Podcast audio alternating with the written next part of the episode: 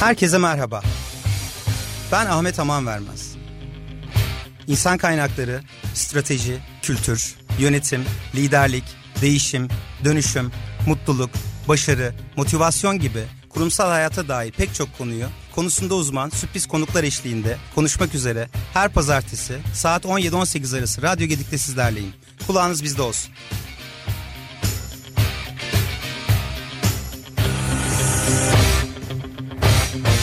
Kurumsal yönetim başlıyor.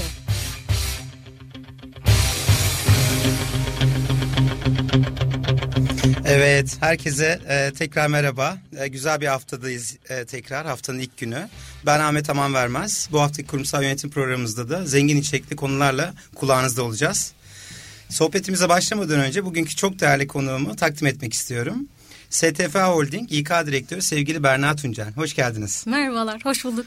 Ee, sohbetimize başlamadan sizi ve firmanızı tanıyarak başlamak istiyorum sizin için de uygunsa. Elbette, elbette teşekkür ederim her şeyden önce bu fırsat için. Çok enerjik bir ortam, olumlu bir ortam. Ee, gayet mutluyum burada olmaktan.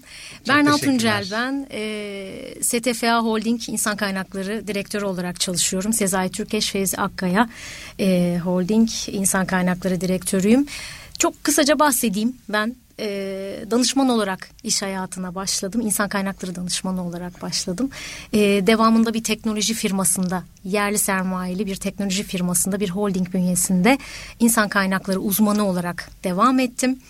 E, sonrasında kapılar açılmaya başlandı e, diyebilirim. OYAK bünyesinde, Omsan Lojistik bünyesinde çalıştım.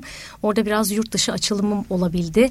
Ee, Azerbaycan, İtalya, Fransa, Bulgaristan gibi ofislerin kurulumlarında e, görev aldım. Omsan Lojistik bünyesinde.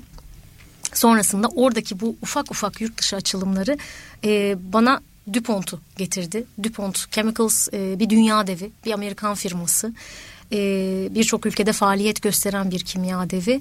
E, yaklaşık 7 yıl kadar da Türkiye Orta Doğu öncelikle Türkiye Orta Doğu Afrika bölgesinden sorumlu insan kaynakları e, müdürü olarak görev aldım e, belli bir süre Güney Afrika'da sonrasında Mısır'da devamında dediler ki haritanın hep güneylerinde kaldı. Biraz kuzeye doğru destek olalım. E, şirketin merkezi e, olan Cenevre'de e, DuPont e, Cenevre ofisinde İMEA'dan sorumlu Europe Middle East Afrika'dan sorumlu insan kaynakları müdürü olarak e, görev aldım. Çok güzel. E, o bir expatriate süreciydi. Yabancı çalışan olarak orada bulundum. E, inanılmaz hani challenging diyebileceğim mücadele edebildiğiniz aslında hem hayat hem iş deneyimi kazanabildiğiniz bir e, süreçte yer aldım. E, sonrasında e, Türkiye'ye geri dönüş yaptım. Ee, anne oldum o süre zarfında e, belli bir süre kızımla beraber vakit geçirdikten sonra Vodafone Telekom Türkiye'de insan kaynakları müdürü olarak görev aldım. E, telekomünikasyon her planınız, her ajandanız, her execution yarına olan inanılmaz tempolu ve enerjik bir ortamda görev aldım. Ve e, Vodafone sonrasında e, son 5 yıldır STFA Holding bünyesinde çalışmaktayım. İlk yolculuğumu orada Enerya'da, Enerya Enerji bünyesinde başladım. E, 4,5 yıllık bir tempodan sonra, bir e, deneyimden sonra e, güzel bir e, terfi ile diyelim holdinge geçiş yaptım. Harika. E, yaklaşık 6 aydır da bu roldeyim. Çok güzel.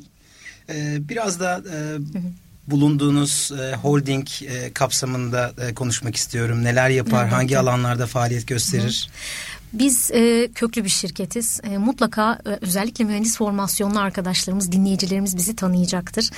E, 81 yıl önce iki genç mühendisin kurduğu bir şirket.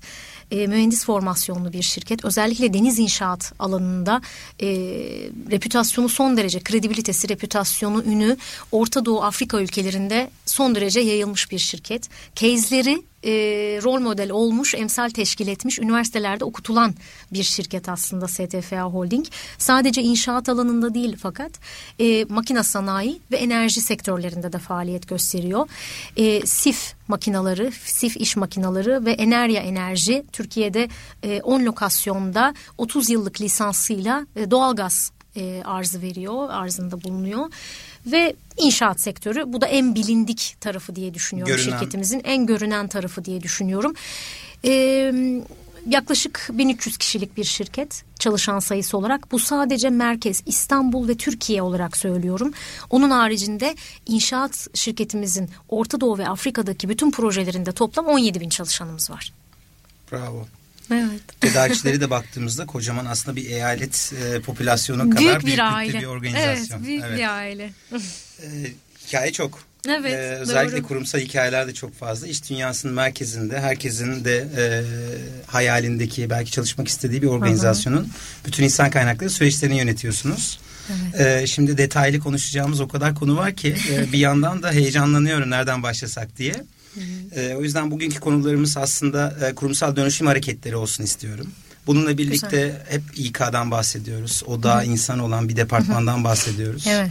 O yüzden bu dönüşüm süreçlerindeki İK'nın stratejik rolleri e, tabii ki çalışan olmazsa olmaz. E, dolayısıyla bu çalışanların gelişimi ve her zaman olduğu gibi biz bir şeyleri yapıyoruz, e, icra ediyoruz ama bunun biraz sosyal sorumluluk kapsamında da e, ne yaptığımızı, nasıl yaptığımızı da e, insanlara göstermek adına KSS projeleri de var. Evet. Bu konulara başlamak istiyorum aslında sizinle. Evet. Ee, bu başlıkların altında yatan kocaman kocaman aslında İK sorumlulukları da var.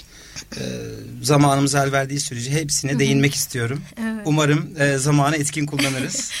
Tamam. Ee, bu nedir kurumsal dönüşüm hareketleri? Ee, Berna Hanım aslında sizin de e, bu holdingde Bahsedin. başladığınızdan bu yana bir dönüşüm, bir değişimi yönetiyorsunuz.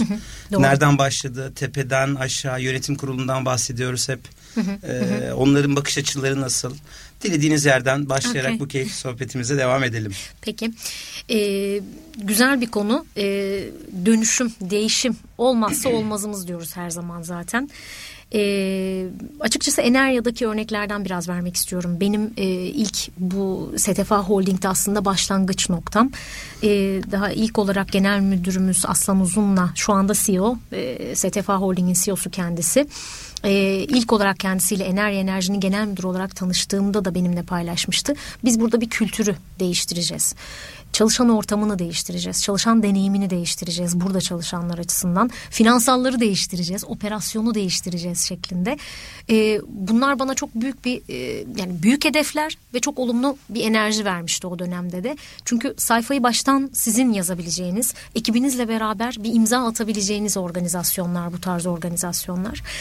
Ee, Enerya tarafındaki, Enerji Enerji tarafındaki değişimden bahsedecek olursak, o kültür değişiminden bahsedecek olursak, e, bu gerçekten bir ekip işi. Her şeyden önce belki klasik gelecek ama e, yönetim kurulundan başlar, genel müdür, insan kaynakları, operasyon aslında bütün bölgelerimizdeki operasyonun yönetilmesi.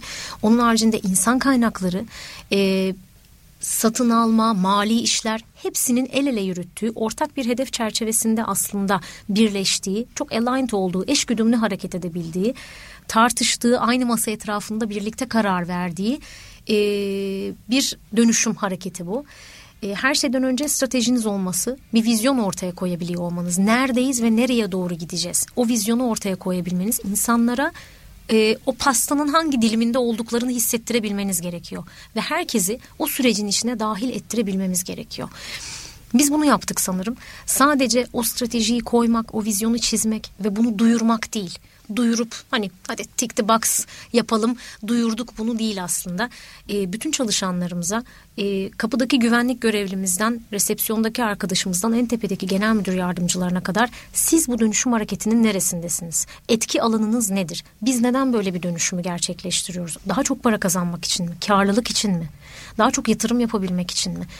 E, çalışanlarımızı geliştirebilmek için ve onları başka bireyler, dönüşebilmiş bireyler haline de dönüştürebilmek için mi? İçinde hepsi var. İşte bu hikayeyle zaten insanlar kendilerini o hikayenin içine yerleştiriyorlar. Sorumluluk alıyorlar. O accountability'yi alıyorlar aslında sizden ve paylaşıyorlar. Ve onlar da sizinle beraber koşuyorlar. Biz bunu yaşadık dört buçuk yıl boyunca.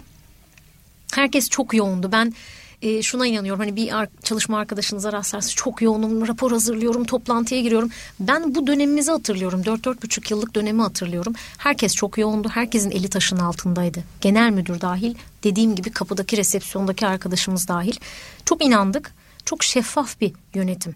İletişimde, ilişkide çok şeffaf, e, birbirimize ulaşabildiğimiz, tartışabildiğimiz, eleştirebildiğimiz bir yönetim tarzı e, benimsedik o dönemde. Bence bunlar olmazsa olmazımızdı.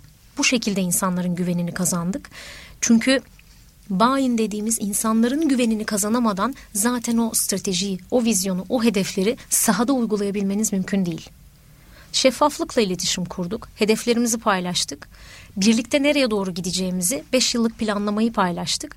Böyle olduğu zaman dediğim gibi insanlar kendilerini o hikayenin içine koydular ve bir parçası oldular. Takım oyuncusu oldular. Çok güzel. Aslında burada bahsettiğinizin e, altını çizmek istiyorum. Başta Hı-hı. bir güven. Evet. E, ve bu stratejinin ya da bu değişim hikayelerinin, bu dönüşüm hikayelerinde A'dan Z'ye her alanda kim ne yapıyorsa her birinin yapmış olduğu iş kutsal. Dolayısıyla Kesinlikle. bu değişimin bir parçası, bu hikayenin bir parçası. Bir başlangıç noktası var tabii ki 80 yıl öncesinden bahsediyorsunuz. Doğru. Tabii o dönem startup mantığı yok. Evet. Ama aslında belki startup mantığın ilk driverları da e, Ta, bu iki evet, genç mühendis diyebiliriz. Kesinlikle. Doğru. E, dolayısıyla gidecek e, gitmek istediğiniz nokta aslında belli olsa bile e, o alandaki yolculuk bambaşka. Kesinlikle. O sahada o işlerin dönüşülmesi sizin amacınız tabii ki değişim için daima bir şeylerden vazgeçmektir E, diye bir jargon var. Hı. Fakat burada aslında değişimden kastınız sizin çalışanların da e, işverenlerin de birbirine evet. güven olduğu, şeffaf bir iletişim, kolay ulaşılabilirlik ve Hı. en önemlisi sürdürülebilir olması. Kesinlikle. Bir beş sene bitti. Evet. Bir beş sene daha var stratejiniz evet. ve bu böyle bir lifetime devam edecek devam bir süreç. Ediyor. Kesinlikle. Ee, peki hani buradaki e, İK'nın rolü ne? Her zaman İK konusunda biliyorsunuz hani yıllardır o masada e, İK süreçlerini yönetiyorsunuz. Uzman olarak başladınız. Evet. Hep ne yaptığı konusunda kafa yordunuz. Sonra nasıl yaptığına kafa yordunuz. Neden bu işi yaptığınıza çok şanslı bir kariyer yolcunuz da var aslında. Çok Benim şükür. tarafından evet, baktığımda. Kesinlikle. E, herkes e, bir dönemde sahada deneyimlerini kazandıktan sonrasında danışmanlık boyutuna geçer. Siz e, masanın diğer tarafında kariyerinize başlayıp evet. sonrasında sahaya gidiyorsunuz. Aslında içeriden dışarı bakmak, dışarıdan içeri bakmak gibi. Önce dışarıdan içeri baktınız, sonra içeride oldunuz anladığım kadarıyla. Aynen öyle. E, bu kapsamda e, bir kere kesinlikle bunun altını çizelim. Hı hı bir support fonksiyon dediğimiz bir destek fonksiyon değil Hı. insan kaynakları. Bu değişimin driver'ı, değişimi öncülük eden ve bu değişimde rolleri üstlenen, Hı. herkese de e, güvene dayalı bir sistem e, kuran aslında e, en öndeki oyunculardan bir tanesi. O yüzden stratejik diyorum. E, nedir rolleri? Bu değişim ya da kültürel dönüşüm hareketlerindeki görev dağılımı nasıl? İK'nın rolleri nasıl? güzel bir nokta ve dediğiniz gibi ben e, İK'nın e, ilk belki de iş hayatına başladığım günden beri adını destek fonksiyon olarak e, koymaktan yana çok değilim aslında. E, İK gerçekten süreçlere liderlik eden aslında yönetime de çalışanlara da o sounding board dediğimiz aslında böyle omzunun bir yerinden çalışana da yöneticiye de koçluğunu veren süreçlerle ilgili oluru olmazı neden olsunu e, ifade etmeye çalışan birim. E, her şeyden önce az önce de bahsettik yani güven, şeffaf iletişim ve birlikte çalışabiliyor olmak. Bu kişilerin işte bu dönüşüm hareketi esnasında güdülenmesine sebep oluyor, birlik olmasına sebep oluyor. Bu çok önemliydi bizim için. Orada İK'nın rolü de sadece İK liderinin rolü değil. Ben ekibimdeki bütün arkadaşların kendi uzmanlık alanlarında liderlik ettiklerine inanıyorum. Nasıl? Bir, kendi süreçlerine çok hakim olarak her şeyden önce. Ona credible activist deniyor. Yani söylediğinin arkasında duran, kendi konusunda bilgili, uzman, ne dediğini çok bilinçle dile getiren profiller olmaları. E, hakim olmaları, haberdar olmaları, şirkette ne oluyor? Gerçekten de e, sadece e, yani piknik mi yapalım, e, kırmızı kurdele mavi boncuk departmanı değiliz biz gerçekten. Orada bir yatırımı yönetiyoruz, kişiye yapılan yatırımı yönetiyoruz e, her şeyden önce hedeflerimiz arasında bizlerin de EBITDA var. Bizlerin de karlılık var, net kar var, ciro var. Finansal Roysi hedefler var, kesinlikle var. bizlerin de e, hedeflerinde bunlar olduğu için biz de business ortağıyız. işin ortağıyız aslında baktığınızda. Kararın alındığı masada insan kaynaklarının da yeri var. E, ben ilk e, o dönemde genel müdürümüz e, Aslan Bey ile konuştuğum zaman ilk onu sormuştum. İK nerede? Beraber mi karar alıyorsunuz? Yoksa kararı aldıktan sonra hadi İK bunu da uygulayalım şeklinde biraz daha icra mantığıyla. Kesinlikle öyle değil. Ee, ve ben bunu kendi ekibime de yansıtmaya çalıştım. Halen de holdingde de aynı şekilde devam ediyorum. Kendi süreçlerine hakim, işlerinde uzman, e, kredisi yüksek profillerle çalışarak aslında kendi ekibimde de... E, diğer çalışanların, yöneticilerin bize gelmelerini sağlamaya çalışıyorum danışmak için. Bunu nasıl yapalım? Burada nasıl ilerleyelim? Her şeyi doğal olarak bilmemiz mümkün değil. İnsan kaynakları uzmanları, profesyonelleri olarak her konuya hakim olmak zorunda değiliz ama haberdar olmak zorundayız. Ulaşılabilir, ulaşılabilir olmak zorundayız. Ee, ve bir mali işler müdürüne de bir satın alma müdürüne de CEO'ya da e, koçluk edebilecek seviyede kendi işimize hakim olmak zorundayız her şeyden önce. E, burada ben böyle görüyorum yani stratejik bir ortak, haberdar bir ortak ve attitude olarak da yani e, davranış şekli olarak da orada varlık gösterebilen profiller olmak zorundayız. Okuduğumuzla, yazdığımızla, iletişim kurup duyurduğumuzla, kurduğumuz ilişkilerle. Tam aslında bu dönüşüm ya da e, bu değişim süreçlerinin tam merkezinde aslında insan kaynakları. Evet. Baktığımızda. Doğru hep böyle finansçılarla e, konflikt e, burada yaşıyor aslında insan kaynakları. evet. Biraz daha soft kalıyor. O yüzden support görünüyor. Evet. Ama e, finans e, konularında profesyonellerde hep bu işlerin e, parasal, finansal okur yazarlığına bakıyorlar. Kesinlikle. Ben de PNL'lerine bakıyorlar. E, dolayısıyla e, onlar bir profit center odaklı. Biz de HR olarak herkes e, bir cost center olarak oh. bakılıyor. İşte onu söylemeyeceğiz. Evet. Neden? Çünkü e, ben hep şunu söyledim. E, beyler e, şimdi masraf merkezi olarak görüyorsunuz ama beyler bayanlar diyelim. Ben ilk başladığımda bizim icra kurulumuz tamamen e, beylerden oluşuyordu o yüzden. E, tek aralarında kadın yönetici olarak evet. bunu birkaç kez dile getiriyordum.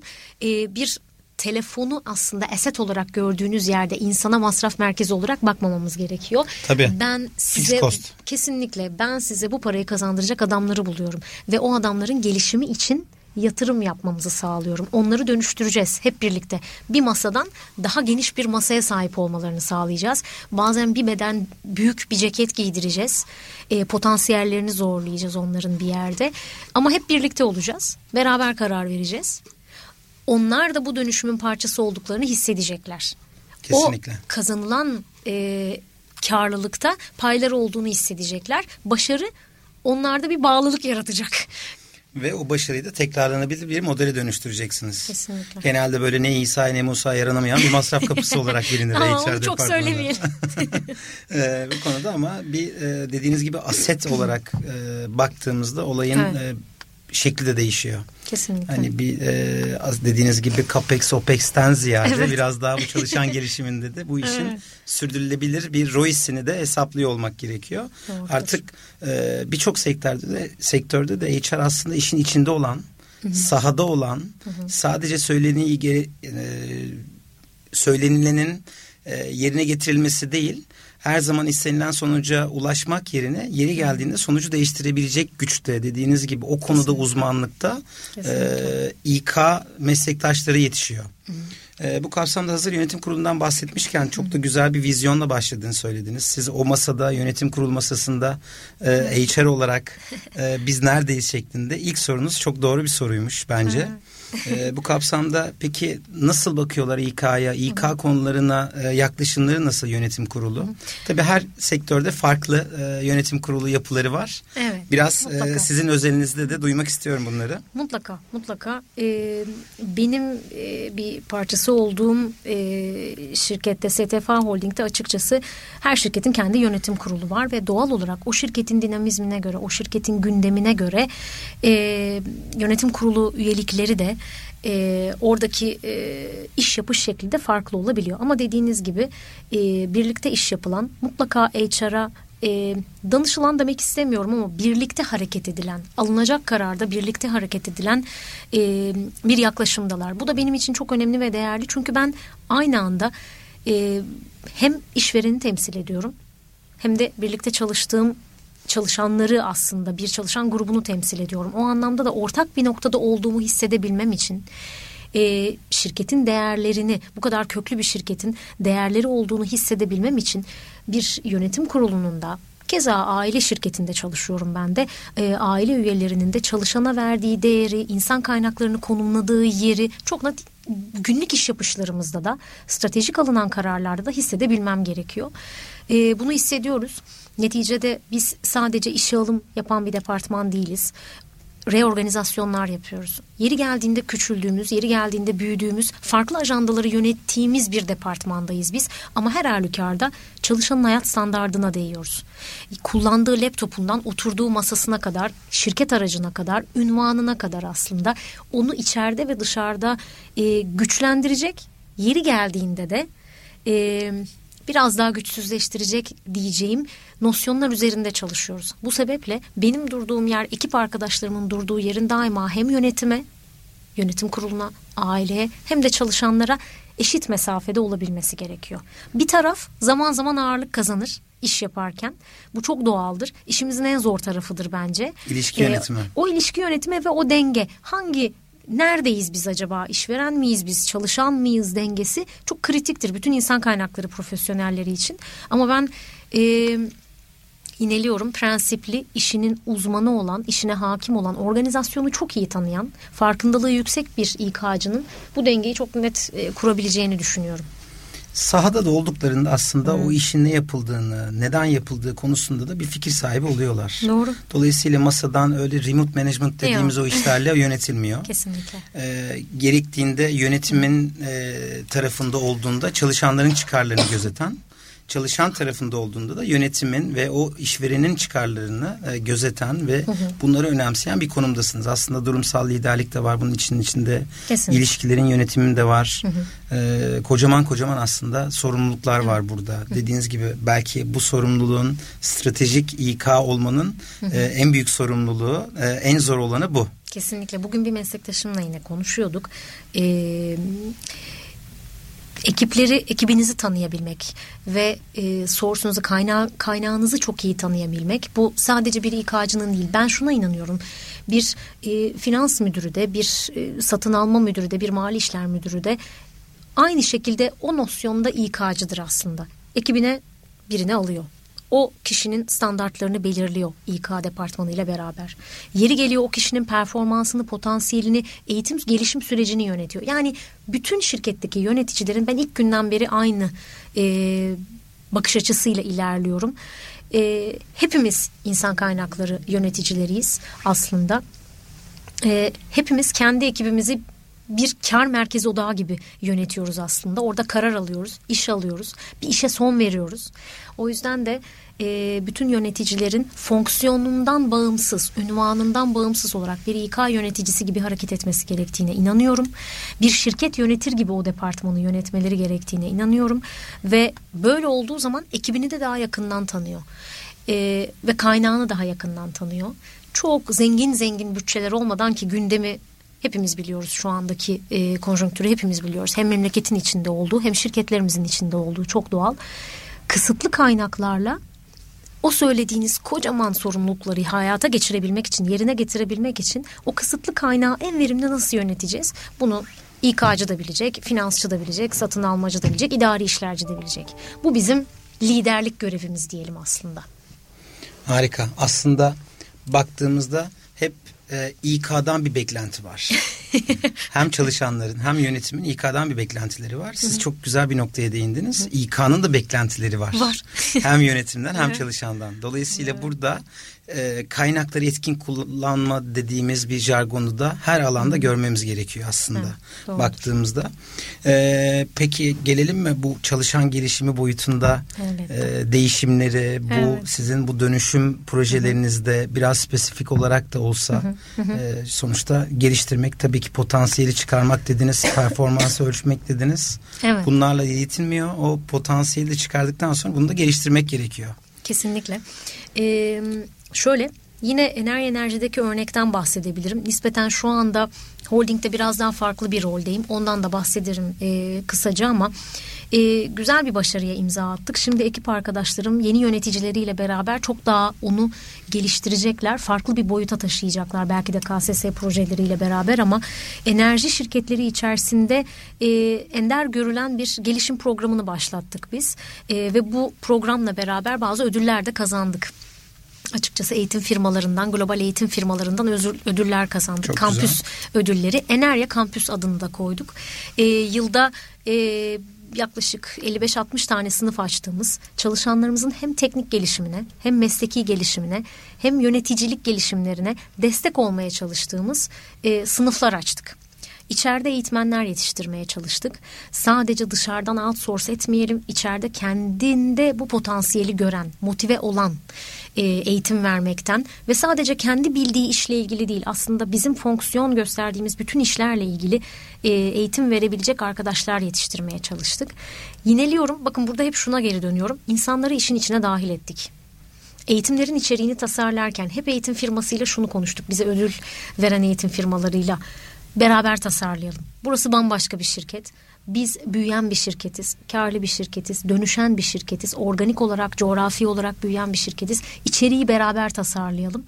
Ee, hani off the shelf denen o raftan alalım hadi burada yapılmışı var size de bir bankaya yapmıştık size de bunu yapalım gibi hiç o noktada olmadık. Ee, kampüsü yöneten ekip arkadaşımla beraber e, İçerikleri tasarladık, eğitmenlerle bir araya geldik. Olmadı çalışanlarla, yöneticilerle bu eğitmenleri bir araya getirdik. Şirketten, çalışan profilinden, şirketin geleceği noktadan ne yapmak istediğimizden aslında dönüştürmek istediğimiz hareket. O yılın mottosu neyse iş ve çalışan anlamında bunu eğitmenlere yansıtmaya çalıştık. Ee, ve çok şık programlar hayata geçirdik. Müşteri hizmetleri, satış, liderlik, teknik gelişim, mühendis programı geliştirdik. Kıdemli mühendislerimiz için onların ileride iyi bir yönetici olabilmeleri için e, potansiyeli yüksek mühendis arkadaşlarımıza ayrı sınıflar açtık. E, bunun sebebi şuydu teknik e, adamlardan yönetici olmak zor oluyor. Hani onlar daha teknik bakıyorlar daha matematik bakıyorlar olaya gibi. Evet ne güzel teknik baksınlar matematik baksınlar ama mutlaka içlerinde gizli bir yönetici var onlar bu formasyonu, mühendislik formasyonunu zaten okulda alıyorlar. Şimdi büyük ekipler yetiştirecekler. Emsal teşkil edip rol te- model olacaklar dedik. Ve kampüsü de bu noktaya getirdik. E, halen de devam ediyor dediğim gibi e, Enerya bünyesinde. Çok güzel. Aslında bunun farkındası, e, farkındalığı da çok yüksek sizin tarafınızda. Çünkü işi yapmakla işi yönetmek tamamıyla birbirinden farklı evet. iki konu. Siz de bunu zaten bizzat en çok sıklıkla gördüğünüz e, konular arasında e, teknik mühendislik bölümlerinde bunu yapabiliyorsunuz. Çok güzel.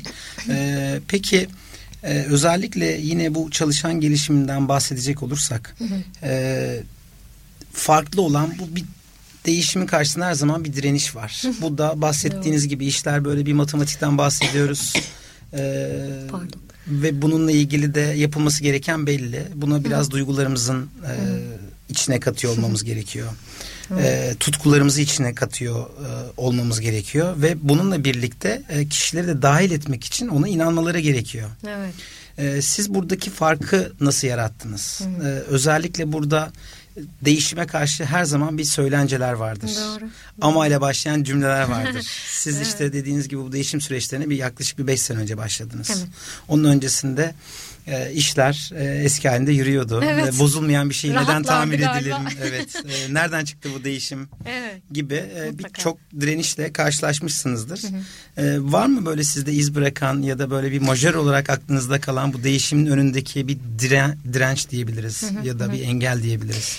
Açıkçası belki e, elbette oldu doğal olarak oldu. Ee, soru işareti oluştu. Direnç diyemem soru işareti oluştu. Çünkü biz e, ilk aşamadan itibaren e, bu STF Holding kültüründe var belki de ekip gibi hareket edebiliyor olmak ve size o vizyon, o hedef sunulduktan sonra ki genel müdürümüz bunu bizimle çok net olarak paylaşmıştı. Gitmek istediğimiz yol bu. Çalışanlarla ilgili ve business işle ilgili. Ve ben e, bu ikisinin beraber yürümesi gerektiğine inanıyorum kesinlikle. İkisinin ajandasının örtüşüyor olması gerekiyor. O yüzden İK'daki bütün profillerin e, iş hedeflerine çok hakim olması gerekiyor ki bunu hangi profilde çalışanlar hayata geçirecek bu iş hedeflerini bunun üzerine çalışsınlar. Direnç elbette oldu ama ben buna e, beni çok zorlayan bir direnç oldu. Negatiflerdi demem yanlış olur. Belki de orada bizim kullandığımız dil de çok önemliydi. Kendimizi ifade etme şeklimiz çok önemliydi.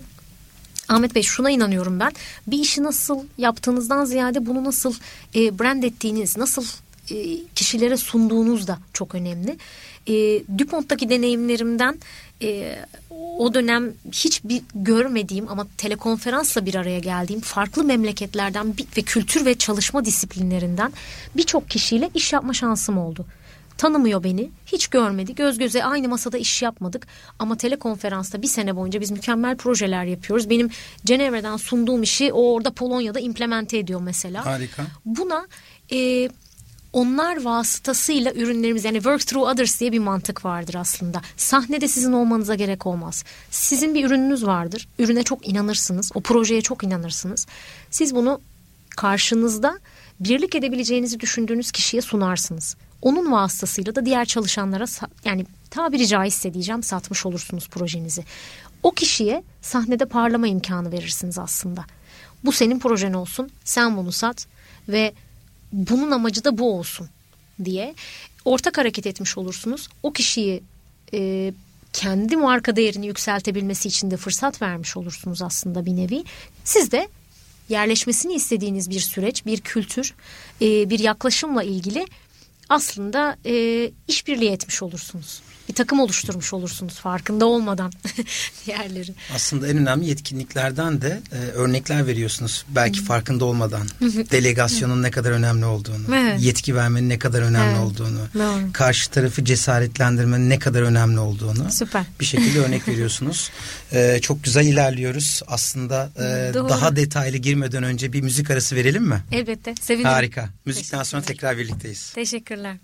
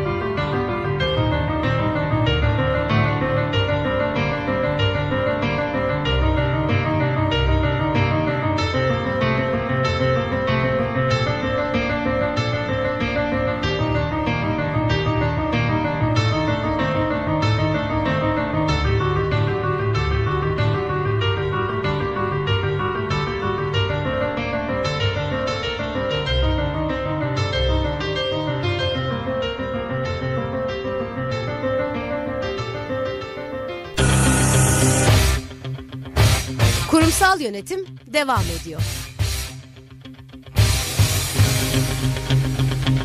Evet, tekrar merhaba herkese. Ee, güzel bir giriş yaptık çalışan gelişiminden. Kaldığımız yerden devam etmek istiyorum. Özellikle bu çalışan gelişim programları ile ilgili biraz daha detayda aslında ne yapıldığı, biraz bahsettiniz. E, bu farklı dinamikleri evet. olan, farklı yetki ve sorumlulukları olan birçok farklı alt süreçleri barındırıyor. Hı hı. E, benim merak ettiğim bunun etkisini nasıl görüyorsunuz çalışanınızda? E, evet. Nasıl bir etki bırakıyor? Tamam. Hı hı. Hani günün sonunda tabii ki business impact'i e, takip ediyorsunuz. Kesinlikle. Sizin KPI'leriniz arasında var. Evet. Ama çalışan boyutunda hani bu değişimin, bu gelişim programlarının onlara etkisini merak ediyorum. Biraz Hı. bunlardan bahsedelim. Elbette. Ee, iş anlamında görüyorsunuz. Evet onların yetkinlikleri geliştikçe aslında konulara bakış açıları, iş yapma şekilleri geliştikçe finansallara veya kendi ekiplerine olan katkılarını da görüyorsunuz. Ama ben şunu hep söylüyorum. Bu hmm, bilindik bir e, istatistiksel gerçek de var. Sınıf ortamında girilebilecek bir eğitim, bir seminer belki de insan davranışı üzerinde yüzde yirmi oranında bir katma değeri var. E, esas o sınıfta aldıkları e, veya o e, birlikte hands-on e, elleri o çamurun içine girerek aslında aldıkları projelerde esas her şeyi öğreniyor arkadaşlarımız. Ee, bizim için de bu şekilde oldu açıkçası. Ee, 2015 yılında kampüsümüz başladı ee, ve o günden itibaren her yıl yetkinliklerle ilgili, kurumsal yetkinliklerimizle ilgili olabildiğince farklılıklar yaratarak programların içeriğinde, e, kampüs içindeki programların içeriğinde iyileştirmeler yapmaya çalıştık. Güncellemeler yapmaya çalıştık. Yaş ortalamamız gençti. Halen de öyle. E, 32-33 yaş ortalaması talepkar. E, Birçok şeyi aynı anda yapmak isteyen, farklı sorumluluklar isteyen yönetmek isteyen aslında süreci sorgulayan, sorgulayan dahil olmak kesinlikle, isteyen kesinlikle doymayan, meraklı ki ne kadar güzel, ne mutlu bize. İşte biz e, hedef kitlemizi çok net orada görebildiğimiz için aslında e, avantajımız okey bu kadar aç, meraklı, değişime hazır bir kitleyle beraberiz. Evet onların da bağlı olduğu yöneticiler var. Nispeten farklı bir jenerasyondan bu yöneticiler. Bizim o zaman oradaki görevimiz ne? Bu kadar talepkar, hırslı ve meraklı bir jenerasyonla nispeten daha X jenerasyon diyebileceğimiz farklı bir jenerasyonun aynı çatı altında buluşabilmesi, ortak bir dilden konuşabilmesi, aynı hedef için farklı versiyonlarda, modellerde çalışabilmeleri için biz moderatörlük ettik. Programlarımızı hep buna göre planladık, tasarladık eğitim içeriklerini. Ee, her zaman onu söylüyorum Hatta bu yılın başında da yine kampüs yöneten arkadaşımla e, şu anda orada yönetici olan arkadaşımla da insan kaynakları müdürü olan arkadaşımla da aynı şeyi konuştuk. Talepler gitgide artıyor. Çünkü siz insanları geliştirdikçe eğitimlere, sertifika programlarına dahil ettikçe farkındalıkları artıyor. Benchmark yapabilecek duruma geliyorlar ve sizinle oturup o eğitim tasarımı ile ilgili tartışıyorlar. Eğitmenle ilgili tartışıyorlar. Biz bu eğitimi neden bu danışmandan aldık? Neden bunu sınıfta yaptık? Acaba outdoor gitmedik bu eğitime? Eğitimin şurasındaki case study bizce şöyle olmalıydı gibi. Bu bizim için müthiş bir şey çünkü 2015 yılında bunu yapmıyorduk. Bugün bunu yapıyorsak demektir ki farkındalığı yükselttik, onları dahil ettik ve aynı masada bunları tasarlayabilecek noktaya gelebildik. Ee, ilk başladığımızda da böyleydi. Dönüşüm hareketini kampüste de yapalım. Hani operasyonumuzda yaptık. İşe alım sürecinde ücretlendirme, bordrolama sürecinde yaptık. O zaman kampüsümüzde de yapalım dedik. E, bu istediğimizi başardık sanırım. Ödüller de o yüzden geldi. Çok şükür diyelim. Çok güzel. Öğrenen organizasyon mantığını e, tamamıyla yansıttınız. Hı hı. Çok evet. güzel de etkilerini görüyorsunuz. Sorgulayan, evet. daha fazla isteyen evet. e, bir yapıya dönüştü. E, evet. En azından kuşaklar arasındaki yaklaşım farklılıkları da otomatik olarak gündemde. Kesinlikle. Sizin üstesinden gelmeye çalıştığınız bir konu olarak değerlendirdiniz. Doğru. Doğru. Harika. Bunlar çok güzel. Peki 5 sene önce başladı. Yaklaşık 5 sene demeyelim ama evet. 2015'te başladı dediniz bu çalışan evet. gelişim hatta bunun evet. adına bir gelişim programı da diyebiliriz. Ee, akademi de diyebiliriz. Sonuçta hı hı. yani bir günlük, iki günlük, e, dört duvar arasında yapılan, verilen bir eğitimler anlamında değil. Hı hı. Bu başka bir boyutta e, düşünülen ve uzun vadede bir yolculuk olarak gördüğünüz Kesinlikle. bir alan. Kesinlikle. 2015, 2016, 2017 evet bunlar çok güzel, hızlı, hı hı. E, öğrenen organizasyonlarda da her gün bir şeyler öğreniyorsunuz. Hem çalışanlar katma değer yaratıyor hem dışarıdan bu konuda profesyonel danışmanlardan içeriye bir şeyler aktarıyorsunuz. Hı. Ama böyle böyle 2018 geldi. 2018'in ilk yarısı bitti. E, son çeyreğinde bir Ağustos ayında da böyle bir dalgalanmalar oldu, oldu. ve ciddi olarak e, ülkemizin de e, ciddi anlamda etkilendiği evet. e, bir süreçten geçtik. e, o gelişimi nasıl görüyorsunuz yıllar boyun boyutuna baktığımızda? Evet. Şöyle tanımlayayım. Zor bir hepimiz için hani çok da e, klişe kelimelerde kullanmak istemiyorum ama hepimiz için zor bir e, yıldan geçtik. 2019 yılı da e, hem memleketimiz için hem şirketimiz için zor olacak. Ee, önümüzde bir seçim dönemi var. Ona bağladığımız hani her yılki seçimleri olduğu gibi ona bağladığımız bazı e, artılar eksiler var neticede. İş planlarımızı, ailevi planlarımızı buna göre yapıyoruz. Sadece ofisimizdeki o masa etkilenmiyor hayatımız etkileniyor aslında. O yüzden e, ben e, yöneticilerle ekiplerimizle konuşurken hep ona dikkat etmeye çalışıyorum. Karşımızda oturan kişi işte örnek vermek için söylüyorum. Bir muhasebe yöneticisi, bir satış elemanı sadece orada gördüğün kişi değil aslında. Onu o yapan e, birçok etken var. Özel hayatı var, eşi var, çocuğu var, sorumlu olduğu bir hayatı var, bir rolü var, kariyer hedefi var. Gitmek istediği bu şirkette veya başka bir yerde gitmek istediği başka yollar var. Ee, o yüzden de bakalım hem memleketteki hem şirketlerimizdeki değişimler çalışanlarımızı, bizleri nasıl etkileyecek bunu göreceğiz. Ee, İngilizce'de ambiguity dediğimiz bilinmezlik, daha flu olan bir resmi yönetiyoruz hepimiz aslında. Ee, sanırım kanımızda var bu, DNA'mızda var. Bütün e, hepimizin e, hep B planlarımız, C planlarımız hazır cebimizde. Keşke onda kalsa. X, Y, Z, X, Z oralara kadar gamma. gittik değil mi? Tabii. Doğru, doğru. Birçok planımız var. Öyle olmak zorunda kalıyoruz. Daha proaktif olabilmek için, çözüm odaklı olabilmek için. Biz hep öyleyiz. Bilmiyorum e, yani çoğu arkadaşım da profesyonel çalışan e, arkadaşım da bana katılacaktır. E, ağlamaya değil, hep çözüm bulmaya yönelik çalışırız. Evimizde de iş yerimizde de bu böyledir sonuçta. Ne yapabilirim şimdi bunun için ne yapabilirim gibi sorumluluk duygusu yüksek insanlarız bence hepimiz. Ee, ez cümle 2018 zor geçti ee, bir pimpon topu efekti duyduk sanırım hepimiz. Şöyle bir yere bir kere vurduk. İşte ama o onun fırlama hali de güzel bir hal. Ee, umutlu olmaktan başka çaremiz yok. Ee, umut en güzeli. Mutsuzluk e, çok e, Livaneli'nin bir kitabında var. Mutsuzluk yönetile yani şöyle mutsuzluk yönetilebilir. Geçici bir şey. Hemen mutlu olabileceğiniz bir şeyler bulabilirsiniz. Ama sakın umutsuz olmayın gibi. Umudu kaybetmiyoruz kesinlikle. E, her şeyi iyileştirebilmek ve değiştirebilmek için elimizde bir güç var. Hep onu söylüyorum. Bize bir akıl, kalp, enerji verilmiş. Onu en son noktasına kadar kullanmak bizim görevimiz sonuçta. E, o bize içsel motivasyonu, o enerji, o kalp, o akıl verecek aslında. Sorgulamaya, merak etmeye, tartışmaya, eleştirmeye devam edeceğiz her Araştırmaya zaman. Araştırmaya da devam edeceğiz. Kesinlikle, kesinlikle devam edeceğiz ve e, yine şunu söylemek istiyorum. O da sevdiğim cümleler bunlar benim. E, dalgaları durduramazsınız ama o dalgalarda nasıl hayatta kalacağınızı öğrenebilirsiniz. O denizdeki dalgayı durdurmak mümkün değil. Bu bir süre daha da sanırım böyle devam edecek. Evet. Bütün şirketlerimiz içinde, bütün sektörler içinde. Bizim burada çevik olmamız ve o dalgalarla nasıl boğuşacağız? Yani kulaç mı atacağız? Dibe dalıp şöyle bir balıklama hemen tepeye mi çıkacağız oradan? Nasıl nefes alacağız? Bunu öğrenmemiz gerekiyor bence. Çok güzel. Aslında altını çizip buraya park etmemiz gereken konular arasında Hı. sizin mesajınız. e, mutlu olmak yetmiyor. Umutlu evet, olmak gerekiyor. Umutlu. Evet. Sadece bilmek değil, yapabilmek gerekiyor. E, sahanın dışından bakıp da ağlamak yerine evet. bizzat sahada deneyimleyerek evet. e, öğrenmeye devam etmemiz evet, gerekiyor. Seyirci olmadan. Seyirci olmadan. O yüzden evet. hani bilmek mi, yapabilmek mi gerçekten bu Hı-hı. konuyu ben de e, çok seviyorum. E, mümkün olduğu kadar da her alanda sahada olmak kadar e, güzel bir şey şeyinde olmadığını düşünüyorum. Evet. Ağlamak çare olsaydı herhalde eczaneler soğan e, satardı.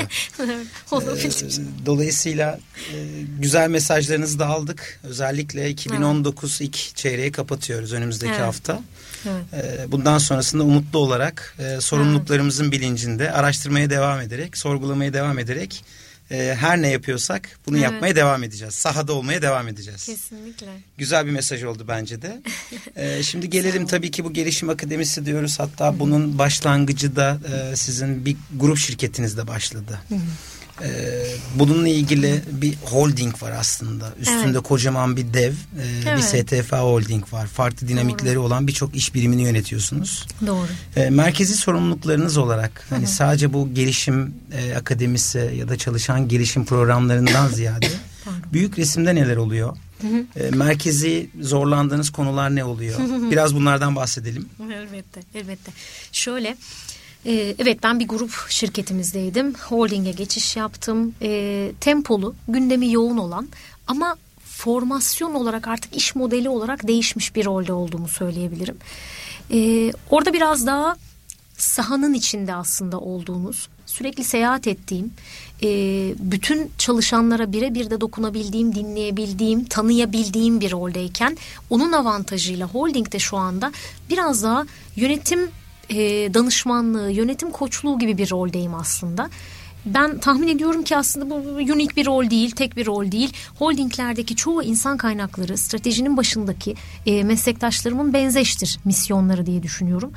E, biraz daha e, aile üyeleriyle olsun, CEO ile olsun, yönetim kademesindeki genel müdürlerle, şirket genel müdürleriyle olsun, holding bünyesindeki yönetim koçluğu şeklinde yine az önce söylediğim o sounding board dediğiniz karar verme aşamasında, aksiyona geçme aşamasında, bazen durma aşamasında, e, bir iletişimi kurgulamak noktasında çalışana yani yönetim kademesinden çalışana değecek olan her türlü aslında konunun tasarlanmasında yönetim danışmanlığı yaptığım bir roldeyim şu anda. Günümün çoğu da aslında insanlarla, yöneticilerle görüşerek geçiyor. Benim onları tanıyabilmem, benim ekibimin o yöneticileri tanıyabiliyor olması e, bizim daha verimli kararlar alabilmemizi, daha efektif planlama, proaktif planlama yapabilmemizi sağlıyor. Ee, hep onu söylüyorum. Ben bu 15. katta sırça köşkte oturmuyorum bakın diye her katta varım. Her katta e, durumu nasıl yönetiyorlar? Bizim sunmaya çalıştığımız bir iletişimi nasıl algılıyorlar aslında? Peki biz nasıl algılamalarını isterdik? Mevcut durumu, konjonktürü ve bunu nasıl yönettiğimizi. Ee, onların içinde olursanız hem yönetimin hem çalışanların içinde olursanız pozisyon olarak e, daha hakim olabiliyorsunuz sürece e, ve daha efektif yönetebiliyorsunuz. Hatta değiştirebiliyorsunuz da zamanı geldiği zaman. Yarı yolda değiştirebiliyorsunuz.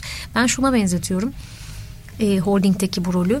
İnşaat sektörü, enerji sektörü, makine sektörü hepsi bambaşka dinamik içerisindeler. Bir tanesinin pazarı yüzde seksen küçülürken örneğin. E, diğeri inanılmaz bir çıkışta. Regüle bir biziniz işte iş birimi e, EPDK ile çalışıyor tamamen. E, bambaşka bir regülasyon var içeride. Oradaki zorunluluklar farklı, makinedeki farklı, inşaattaki bambaşka. Türkiye'de değil daha ağırlıklı Orta Doğu ve Afrika'da iş yaptığımız bir ortam. Çalışma dinamikleri ve disiplini bambaşka. E, üç farklı şirketteki üç farklı yönetici ve çalışan profili, farklı ajanda iş yapma modelleri ve iş hedefleri var. Ee, sanırım zenginlik burada. işin güzelliği burada. Ee, hepsine öğrenebilmek, o learning agility dediğimiz sizin öğrenmekle ilgili isteğiniz, motivasyonunuz varsa, merakınız varsa e, birçok kişiyle aynı anda temas edip onlara onların hayatında e, etki edebiliyorsanız eğer e, olumlu yönde etki edebiliyorsanız ne mutlu size böyle bir rolde. Ben hep şunu söylüyorum. Bu rolün e, etkisinin insanlarda insanların hayatını olumlu yönde değiştirebilmek üzere bir etkisi olması gerekiyor. Yoksa ünvanlarımızın, oturduğumuz koltukların e, ben hiçbir e, önemi olmadığını düşünüyorum. Yeter ki e, bu işi bu kadar karmaşık gibi görünen işi e, biraz daha sadeleştirerek e, şeffaf ve olumlu yönetebilin. Pozitife çevirerek yönetebilin. Çok güzel ve herkes tarafından anlaşılabilir düzeyde. O evet. stratejinin tepeden e, evet. dediğiniz gibi güvenlik görevlisine kadar evet. E, her alanda aynı dilden olduğu, anlaşılabilir evet. olduğu, herkes için aynı evet. konular olduğunu evet. gösterebiliyor olmak gerekiyor. Evet, doğru. O yüzden zaten aslında değişimden de hep bahsediyoruz e, hep değişim bir şeylerden vazgeçmektir diyoruz. Hı. Aslında buradaki değişimin en büyük önündeki duran kocaman engel hı hı. az önce bahsettiğiniz bir belirsizlik var. Hı hı. Ee, insanlar hep e, yönetim gelişmek olarak görüyor bunu. Büyümek hmm. olarak görüyor. Evet. Belli bir amacı var. Hmm. Çalışan da acaba yöneticim mi değişecek? Görev ve sorumlulukları mı değişecek? Evet. Ünvanı mı değişecek? Evet. Gibi farklı bakış açılarıyla olaylara yaklaşıyorlar. Kesinlikle. Önündeki en önemli şey dediğiniz gibi bu belirsizlikleri ortadan kaldırabilecek Kesinlikle. düzeyde çok iyi bir iletişim planı. O strateji neyse onun çok iyi steril olması gerekiyor ve uygulanaya e, pragmatik dediğimiz tamamen pratik ve uygulanabilir sistem olması gerekiyor. Yoksa rafta kalıyor. e, hep bunu Çok duyuyoruz. E, ve son olarak da tabii ki algı. Evet, algı, algı yönetimi. Evet, o e, hatta üniversitelerde yurt dışında özellikle perception Hı-hı. psychology diye dersler olmaya başladı. Çok Bunu duyuyoruz, Hı-hı. araştırmalarımızda da görüyoruz. E, bununla ilgili her zaman perception is reality derler. Evet. E, algı evet. ne kadar gerçeğe yakınsa Hı-hı. o kadar doğru sonuçlar çıkıyor. O yüzden aradaki makası e, çok fazla çok yüksek tutmamak gerekiyor. gerekiyor. Aynen. E, şöyle park edelim ve son konumuza geçelim. Zamanımızı da doldurmak üzereyiz. Elbette. E, geçmişte neyin işe yaradığı değil, gelecekte neyin işe yarayacağına odaklanmamız gerekiyor. Evet. Böyle park edelim mi? Edelim. Okey harika. Peki. Gelelim son e, olarak tabii ki siz hem e, Türkiye'de e, birçok kurumsal patron şirketi, uluslararası şirketler, hı hı. Amerikan şirketleri, DuPont'tan bahsediyorsunuz evet. ve evet. sadece Türkiye'de de değil, birçok coğrafyada da aktif sorumluluklarınız oldu sahada. Doğru. E, birçok kültürel e, dönüşüm hikayelerini hı hı. de biliyorsunuz. Hı hı. Ee, bundan sonrasındaki İK nasıl gelişecek? Neye dönüşecek? Bunlar hakkında yeni sorumluluklar ne olmalı? Son olarak bunları da konuşaraktan programımızı e, bitirmek istiyorum. Peki, peki. Şöyle e, çok kısaca bahsedeyim. E, hepimizin zaten okuduğu, gördüğü, içinde bizzat bulunduğu e, dijital bir süreci yönetiyoruz aslında hepimiz. Biz enerji şirketimizde de bu e, aynı şekilde inşaat şirketimizde de 4.0'a geçişimizi yaptık.